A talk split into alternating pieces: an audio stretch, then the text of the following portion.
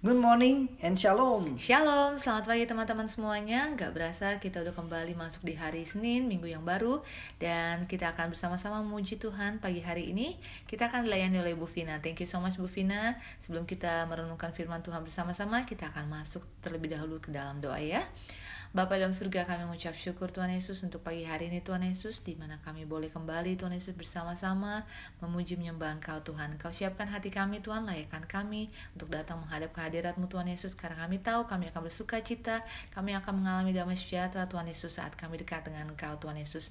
Sebab hanya dekat dengan Engkau Tuhan Yesus kami merasakan kekuatan yang baru, kami merasakan ketenangan yang sejati Tuhan Yesus. Bahwa kami terus dekat intim dengan Engkau Tuhan Yesus karena kami tahu Tuhan Yesus kami nothing without you. Kami butuh Engkau di dalam setiap kehidupan kami Tuhan. Terima kasih Tuhan Yesus, kami serahkan semua aktivitas kami sepanjang hari ini ke dalam pimpinanmu, Laro Kudus, Engkau yang berkati kami, Engkau yang urapi kami. Terpuji namamu Yesus untuk selama-lamanya. Di dalam nama Yesus kami telah berdoa dan mengucap syukur. Haleluya. Amin.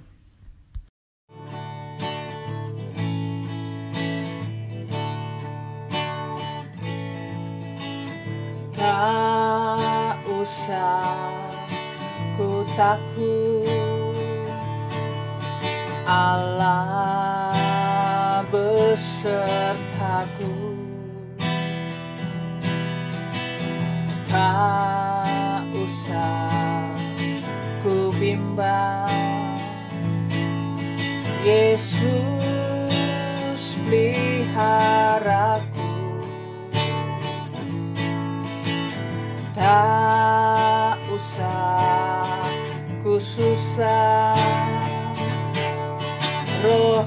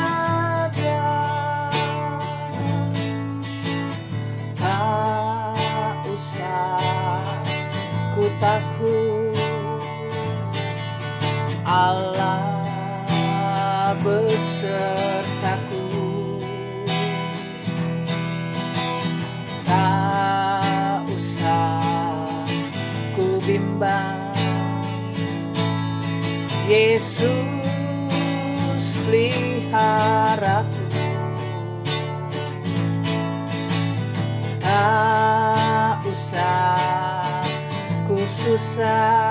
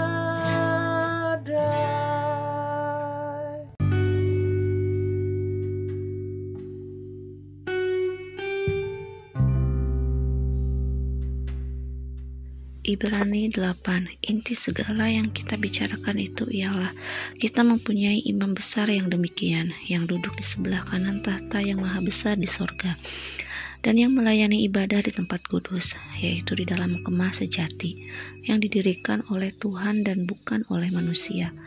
Sebab setiap imam besar ditetapkan untuk mempersembahkan korban dan persembahan dan karena itu Yesus perlu mempunyai sesuatu untuk dipersembahkan. Sekiranya ia di bumi ini, ia sama sekali tidak akan menjadi imam, karena di sini telah ada orang-orang yang mempersembahkan persembahan menurut hukum Taurat. Pelayanan mereka adalah gambaran dan bayangan dari apa yang ada di sorga, sama seperti yang diberitahukan kepada Musa ketika ia hendak mendirikan kemah. Ingatlah, demikian firman-Nya bahwa engkau membuat semuanya itu menurut contoh yang telah ditunjukkan kepadamu di atas gunung itu. Tetapi sekarang ia telah mendapat suatu pelayanan yang jauh lebih agung, karena ia menjadi pengantara dari perjanjian yang lebih mulia, yang didasarkan atas janji yang lebih tinggi. Sebab sekiranya perjanjian yang pertama itu tidak bercacat, tidak akan dicari lagi tempat untuk yang kedua. Sebab ia menegur mereka ketika ia berkata, Sesungguhnya akan datang waktunya, demikianlah firman Tuhan. Aku akan mengadakan perjanjian baru dengan kaum Israel dan dengan kaum Yehuda, bukan seperti perjanjian yang telah kuadakan dengan nenek moyang mereka. Pada waktu aku memegang tangan mereka untuk membawa mereka keluar dari tanah Mesir, sebab mereka tidak setia kepada perjanjianku, dan aku menolak mereka. Demikian firman Tuhan. Maka inilah perjanjian yang kuadakan dengan kaum Israel. Sesudah waktu itu, demikianlah firman Tuhan. Aku akan menaruh hukumku dalam akal budi mereka dan menuliskannya dalam hati mereka. Maka aku akan menjadi Allah mereka dan mereka akan menjadi umatku. Dan mereka tidak akan mengajar lagi sesama warganya atau sesama saudaranya dengan mengatakan, Kenalah Tuhan, sebab mereka semua besar kecil akan mengenal aku sebab aku akan menaruh belas kasihan terhadap kesalahan mereka dan tidak lagi mengingat dosa-dosa mereka. Oleh karena ia berkata-kata tentang perjanjian yang baru. Ia menyatakan yang pertama sebagai perjanjian yang telah menjadi tua, dan apa yang telah menjadi tua dan usang telah dekat kepada kemusnahannya. Shalom, Shalom, Dona. Dona. Dona, thank you so much ya Thank sudah you. bersedia melayani bersama-sama kami pagi hari ini untuk membacakan firman Tuhan di Ibrani ke-8. Thank you, God bless you. Bless you. Ibrani pasal 8 mengajarkan kita bahwa Tuhan Yesus datang ke dunia untuk menjadi imam besar bagi kita. Ia mempersembahkan dirinya sendiri sebagai korban penebus bagi kita semua. Tuhan Yesus datang untuk memperbarui perjanjiannya yang dahulu ia berikan kepada bangsa Israel melalui Musa, yaitu hukum Taurat. Sekarang ia berikan perjanjian yang baru bagi segala bangsa yang mau datang yang percaya kepadanya. Ini adalah penggenapan dari nubuat yang tertulis di Yeremia 31 ayat yang ke-31 sampai 34. Saya akan bacakan ayat yang ke-34 dalam terjemahan Amplified. For I will forgive their iniquity and I will seriously remember their sin no more. Artinya Tuhan itu akan memberikan perjanjian yang baru di mana ia akan mengampuni segala kesalahan dan dosa-dosa kita. Banyak orang Kristen yang merasa jika sudah melakukan tata cara ibadat atau liturgi keagamaan, mereka sudah hidup berkenan kepada Tuhan. Tetapi di situlah kesalahan dari bangsa Israel. Dan hari ini kita belajar bagaimana hidup keagamawian bukanlah cara untuk menerima pengampunan dari Tuhan, tetapi hanya dengan percaya dan menerima Tuhan Yesus Kristus sebagai Tuhan dan Juru Selamat kita dapat diselamatkan. Kita dapat bersuka cita sekarang sebab kita tahu segala dosa kita telah diampuni oleh Tuhan Yesus jika kita percaya dan mau menerima Dia sebagai Tuhan. Amin. Ayat favorit saya di Ibrani 8 ayat 1 sampai ke 5. Here is the main point. We have a high priest who sat down in the place of honor beside the throne of the majestic God in heaven. There he ministers in the heavenly tabernacle, the true place of worship that was built by the Lord and not by human hands. And since every high priest is required to offer gifts and sacrifices, our high priest must make an offering too. If he were here on earth, he would not even be a priest, since they already are priests who offer the gifts required by the law. They serve in a system of worship that is only a copy, a shadow of the real one in heaven. For when Moses was getting ready to build the tabernacle, God gave him this warning Be sure that you make everything according to the pattern I have shown you here on the mountain. Oke, poin-poin dari ayat 1 sampai 5 adalah sebagai berikut. Yang pertama, ayat pertama sampai kedua. Kita memiliki imam agung yang sempurna yaitu Yesus Kristus yang duduk di tempat terhormat di sebelah tahta Tuhan yang mulia di surga yang melayani di tempat ibadah yang di surga yang dibuat oleh Tuhan dan bukan manusia. Artinya apa? Tugas yang dijalankan oleh Yesus telah selesai dan dia memperoleh kehormatan untuk duduk di tempat terhormat di surga. He completed his work when he died on the cross to be the perfect sacrifice.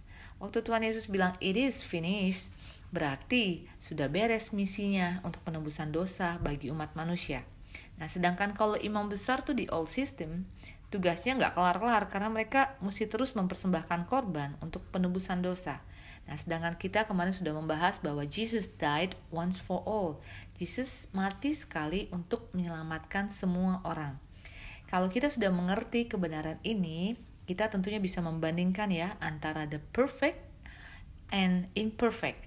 Jadi kita bisa memutuskan untuk percaya kepada Tuhan Yesus imam besar agung yang sempurna. Poin yang kedua yaitu di ayat yang kelima. Intinya bicara mengenai segala sistem pelayanan yang ada di dunia ini hanyalah sebuah bayangan akan apa yang ada di surga yang tentunya jauh lebih baik, jauh lebih hebat dan jauh lebih mulia. Jadi selama kita ada di dunia ini, kita boleh saja menikmati berkat yang kita peroleh, yang kita terima. Tetapi jangan fokus kepada hal-hal duniawi. Namun marilah kita menentukan prioritas hidup kita, yaitu fokus kepada Tuhan, layani dia dan beri yang terbaik.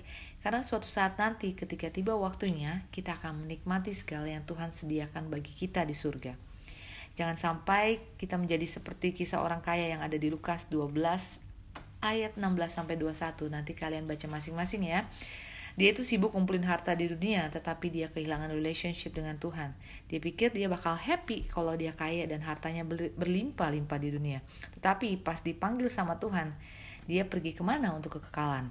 Nah, kalian bisa tebak masing-masing ya jawabannya ya.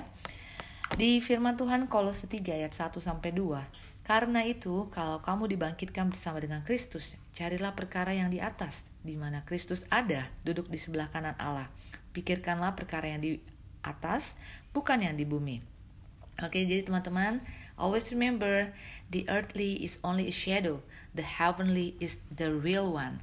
Oke, semangat semuanya. Sekian hari ini. God bless you. God bless you all.